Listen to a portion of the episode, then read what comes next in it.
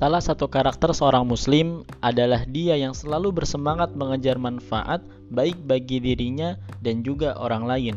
Karena baginya hal yang paling berharga dalam hidup adalah waktu. Karena waktu tak bisa diulang kembali. Seorang muslim akan merasa sangat kehilangan bila mana waktunya terbuang sia-sia untuk hal-hal yang tidak bermanfaat. Begitulah Nabi Shallallahu Alaihi Wasallam menggambarkan karakter seorang Muslim bahwa seorang muslim itu dia yang selalu bersemangat dalam mengejar kebaikan, mengejar manfaat, meminta tolong kepada Allah dan tidak pernah dia merasa lemah.